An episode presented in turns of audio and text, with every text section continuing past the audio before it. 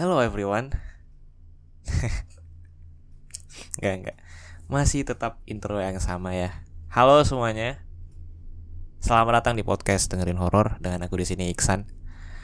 Sebagai pemandu kalian selama kurang lebih 15 hingga 20 menit ke depan. Cukup aku akui sebenarnya konsistensi itu sangat mahal harganya dan aku baru sadar akan hal itu. Itu sangat disayangkan ya teman-teman. Konsistensi is more way harder than I think. Dan ah men aku cukup nyesal baru tahu sekarang. Ya intinya selama kurang lebih lima bulan 4 bulan maybe uh, aku nggak ada upload episode terbaru dari podcast dengerin horor. Dan aku kayak ngilang gitu aja dari peradaban podcast gitu kan. Karena aku punya dua podcast. Ada podcast yang temanya uh, sosial apa aja gitu yang pengen aku upload. Dan satu lagi temanya horor. Dan itu dia sekarang yang kamu dengerin sekarang ini temanya horor. Dan di dua podcast channel itu aku bener-bener kayak ngilang gitu. Karena apa? Ya karena unfortunately aku beberapa bulan belakangan ini lagi fokus ke satu aktivitas yang aku geluti, lah geluti, yang aku jalani maksudnya. Dan sekarang lagi jalanin juga masih jalan tapi pengen gitu upload upload lagi dan aktif lagi di podcast dengerin horor ya kan karena sudah terbilang cukup besar loh komunitas kita. Coba tepuk tangan dulu buat komunitas baca horor. Thank you udah tepuk tangan.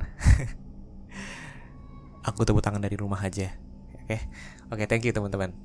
Sudah lumayan besar dan nggak mungkin atau sulit juga buat aku buat ninggalin komunitas baca horor yang mana lumayan banyak sih udah hampir 10.000 followers di Spotify dan dan dan, dan di podcast juga udah rame gitu. Lumayan juga kemarin sempet top 1 top 2 trailer podcast. I don't know. Uh, aku udah lupa. Anyway walaupun podcast dengerin horror sudah maksudnya uh, kurang aktif belakangan ini tapi Twitter baca horror tetap aktif. Meretweet retweet uh, cerita-cerita menarik dari teman-teman sekalian yang ada di Twitter dan masih aktif sampai sekarang. Aku cukup salut sama teman-teman yang di Twitter yang masih aktif buat me apa ya menghibur teman-teman di Twitter buat lebih apa ya meningkatkan literasi dari orang-orang yang ada di Twitter gitu kan. Orang jadi semakin sering membaca dan lain-lain gitu. Oke cukup mukodimahnya terlalu panjang mukodimah ntar orang bosen ya kan udah tiga menit gitu kan masalahnya. Mukodima tuh paling lama dua menit ya. Ini udah tiga menit ini udah lama banget. Oke kita mulai. Cerita ini dari at ak, maksudnya cerita ini dari akun Twitter at cerita underscore setan. Ah oke. Judulnya singgah di kampung lembut. Mungkin maksudnya singgah di kampung lelembut. Lelembut ini ya as you know kayak goib-goib gitu kayak jin gitu oke okay? singgah di kampung jin nah cerita kali ini bersumber dari akun twitter @daisy underscore araro beliau menceritakan kisah seremnya waktu acara penutupan ospek di Samarinda oke okay. ini point of view-nya dari mbak-mbak ini ya yang yang menceritakan ceritanya ke akun Twitter ini. Oke, nangkep ya. Oke, namaku Gita. Kejadian ini aku alami sendiri di tahun 2000 saat aku menjadi panitia ospek mahasiswa perguruan tinggi di kotaku Samarinda. Berawal dari kami sebagai panitia yang membantu alumni dan beberapa angkatan di atas kami untuk mempersiapkan malam penutupan ospek di salah satu tempat di ujung kota kami. Tempatnya dulu saat itu masih jarang ada rumah dan banyak hutan-hutan kecil di sekitarnya. Kalau sekarang di tahun 2021, tempat ini sudah ramai karena sebagai akses menuju bandara. Siang itu, kami disibukkan dengan semua persiapan. Aku dan Nia, juga beberapa teman seangkatan lainnya sangat sibuk sehingga tanpa sadar, waktu itu sudah menjelang maghrib dan kami bersama beberapa panitia pelaksana ospek belum membersihkan diri atau mandi. Terutama temanku Nia yang sedang haid hari ketiga. Gimana sih bacanya? Haid ya. Haid. Haid ya. Ya, menstruasi. Ternyata jarak untuk ke kamar mandi lumayan jauh dari lokasi kami. Lokasi kami ya di lahan savana di tengah hutan. Sementara kamar mandinya jauh gitu. Lumayan jauh dari lokasi kami. Dan juga uh, lahan savana ini dijadikan tempat jurit malam untuk malam terakhir kami di sini. Malam terakhir ospek maksudnya kayak jadi tempat jurit malam gitu. Ngerti gak sih jurit malam? Ya kayak dulu aku pas kuliah pas awal masuk ada jurit malam gitu yang kayak tengah malam dibangunin sama kakak-kakak tingkat gitu kan, woi bangun bangun bangun, terus disuruh keliling lah ngatah. Kerjain misi gitu tengah malam gitu kan, udah kayak ninja warrior tapi tengah malam gitu, tapi versi horornya, cuma bawa center, terus kalau zaman aku dulu uh, kuliah pas masuk kuliah ya jurit jurit jurit malamnya itu baris itu. Ada sekitar 10 orang baris kayak kereta api gitu kan. Itu ntar kami kalau nyanyi itu tutut tut kereta api gitu kan. Itu bukan vibes horror lagi udah vibes seperti di TK untungnya enggak kami serius semua di situ. Ketakutan padahal nggak ada apa-apa men. Ah bye bye ya gitu bawa center doang gitu kan keliling tengah hutan. Udah biasa aja sebenarnya. Oke okay, back to the topic maksudnya back to the treat. Kita balik ke treat tadi. Yang mana lahan savana di tengah hutan sebagai tempat jurit malam untuk malam terakhir ospek. Kami harus membelah jalan setapak hutan kecil menuju musola untuk meminjam kamar mandinya. Kemudian kami pergi ke sana. Waktu itu, aku dan Nia bersama tiga teman pria kami Tak terasa waktu sudah menunjukkan pukul 6. Dan setibanya di sana, musola di tempat itu seperti tidak pernah digunakan. Banyak tumbuhan liar yang menutupi akses jalan masuk. Serta beberapa tembok yang ditumbuhi lumut yang mulai mengering. Di sana kami bergantian, kami biarkan teman-teman pria duluan sebab mereka ingin ikut jamaah sholat maghrib. Sampai giliran aku dan Nia. Kemudian Nia memilih belakangan saja, sebab Nia bilang dia mungkin agak lama karena sedang datang bulan. Ya, aku yakan saja dan kemudian segera untuk mandi. Melihat langit sudah gelap, aku mempercepat aktivitasku agar tidak kemalaman. Teman-teman pria kami Yudi Hari, dan Dabo. Setelah selesai sholat, mereka ikut menunggu kami selesai. Langit pun kini sudah gelap dan hawa sekitar memang dingin sekali. Ya, mungkin karena memang jarak rumah penduduk yang berjauhan dan kampung ini memang sepi. Namun, tak lama kemudian, saat kami ngobrol sambil menunggu Nia, kami melihat segerombolan anjing yang saat itu seingatku lebih dari lima. Lebih dari lima ekor anjing dengan ukuran besar untuk anjing kampung. Yudi meminta Nia untuk mempercepat karena Yudi merasa agak aneh saat melihat segerombolan anjing itu. Seperti terus menggonggongi kami, lantas Nia segera keluar membawa bebal ah membawa beberapa plastik yang salah satunya punya aku yang isinya peralatan mandi. Karena panik, plastik yang dibawa Nia tadi aku ambil dan kami setengah berlari menuju kembali ke jalur jalan menuju tempat kemah ospek. Karena malam dan hanya ada tiga teman yang membawa HP center, kami hanya mengandalkan HP center untuk menemukan jalan setapak di hutan ini. Segerombolan anjing masih saja terus menakuti kami, membuat kami tidak bisa berkonsentrasi dengan baik. Rasanya kami kehilangan jalur pulang menuju tempat kemah. Mungkin sekitar 30 menit kami berlima berputar-putar di hutan dan Nia sudah mulai panik dan menangis ketakutan. Aku dan Dabo berinisiatif berpencar mencari jalan. Sementara Hari dan Yudi menunggu di titik yang kami tentukan sembari menenangkan Nia yang masih menangis ketakutan. berbekal sentel maksudnya berbekal senter di tangan kanan dan plastik peralatan mandi ternyata masih kupegang di tangan kiri. Aku mencoba melihat jalur-jalur setapak yang mungkin bisa kutemukan. Kulihat jam menunjukkan jam ke 7 lewat 40 Langit sudah gelap Di sekitar pun Hawanya sudah dingin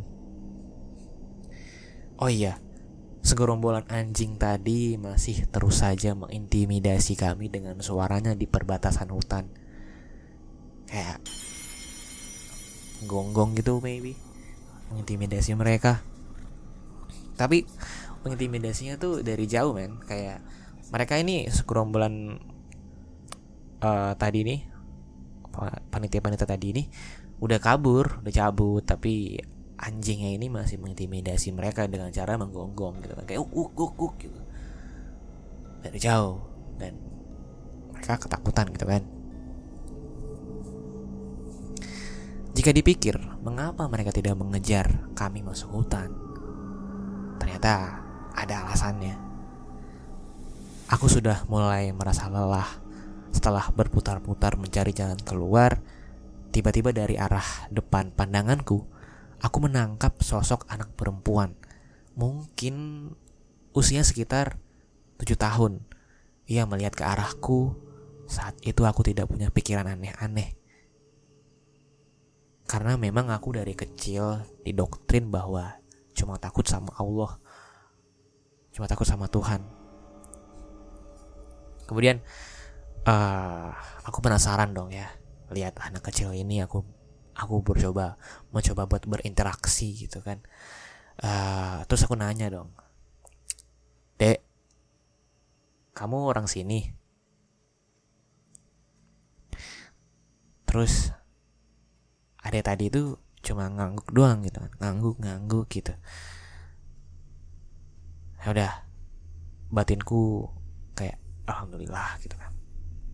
Ternyata ngerti dia gitu. Alhamdulillah. Akhirnya ada yang bisa kasih tahu jalan keluar dari hutan ini.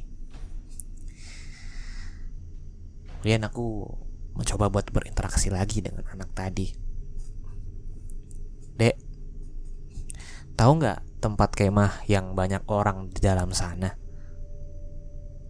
Dan lagi dan lagi masih sama seperti tadi. Anak kecil tadi hanya menganggukkan kepalanya. Namun sekarang posisinya membelakangiku. Saat itu aku tidak terlalu memperhatikan wajahnya. Karena senang, aku juga tidak terlalu menghiraukan keadaan. Kemudian, anak perempuan itu menarik tanganku untuk mengikutinya. Tangannya terasa dingin sekali.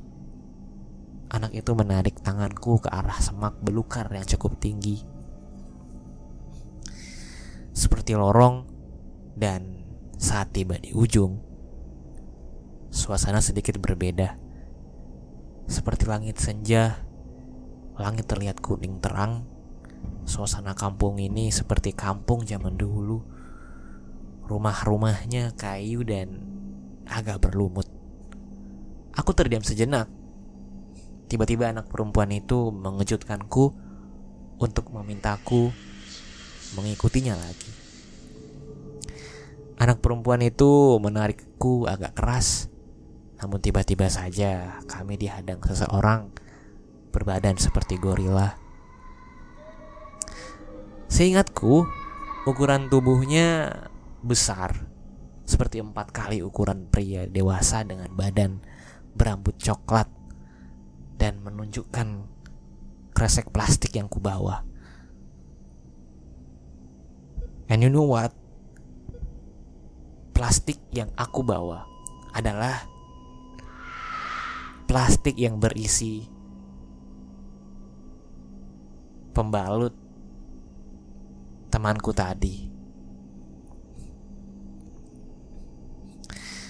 Belum sempat berpikir waras karena kaget berhadapan dengan sosok seperti gorila besar.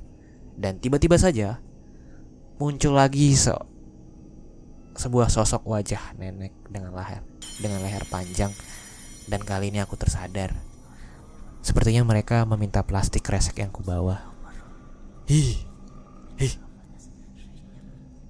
Hi. Gue merinding.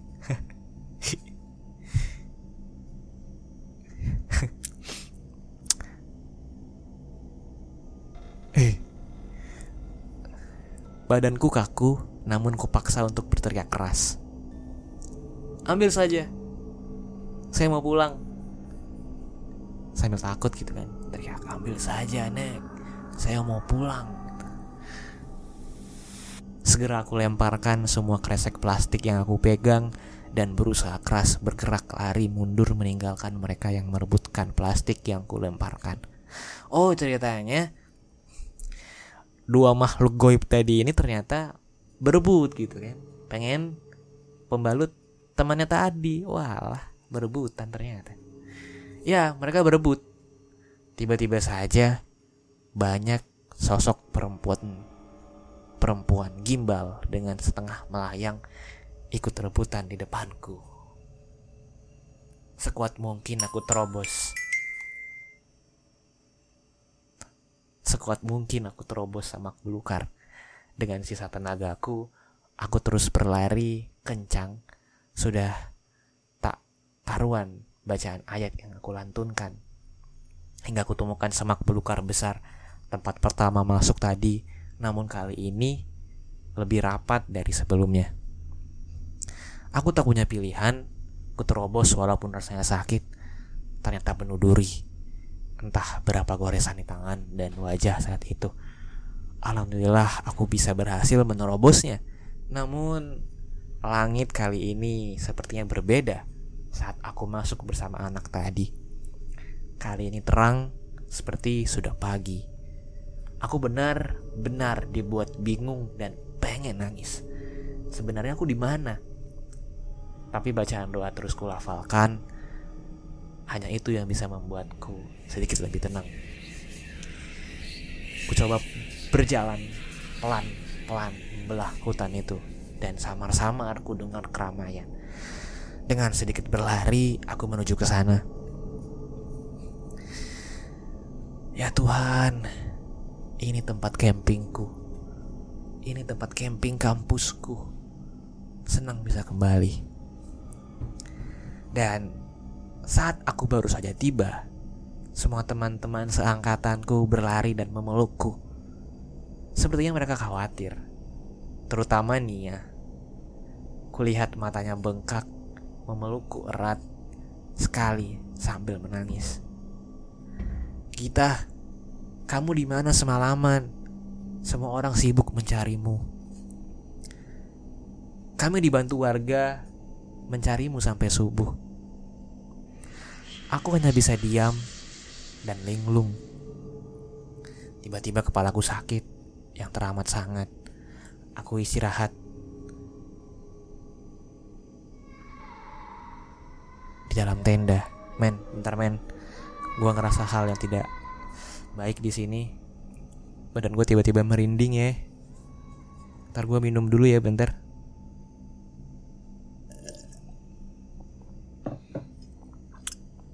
Tiba-tiba aja men. Merinding men. Gue gua lagi rekaman ini waktunya masih jam satu lewat lima tiga. Pagi. Eh pagi men. Kan siang. Oke kita lanjut ya. Back to the treat. Hmm. Akhirnya aku diistirahatkan di dalam tenda. Ku coba untuk menenangkan diri dan sarapan. Nia datang membawakan segelas teh panas dan menyuruhku ganti pakaian. Ternyata baju yang ku kenakan basah, mungkin karena keringat.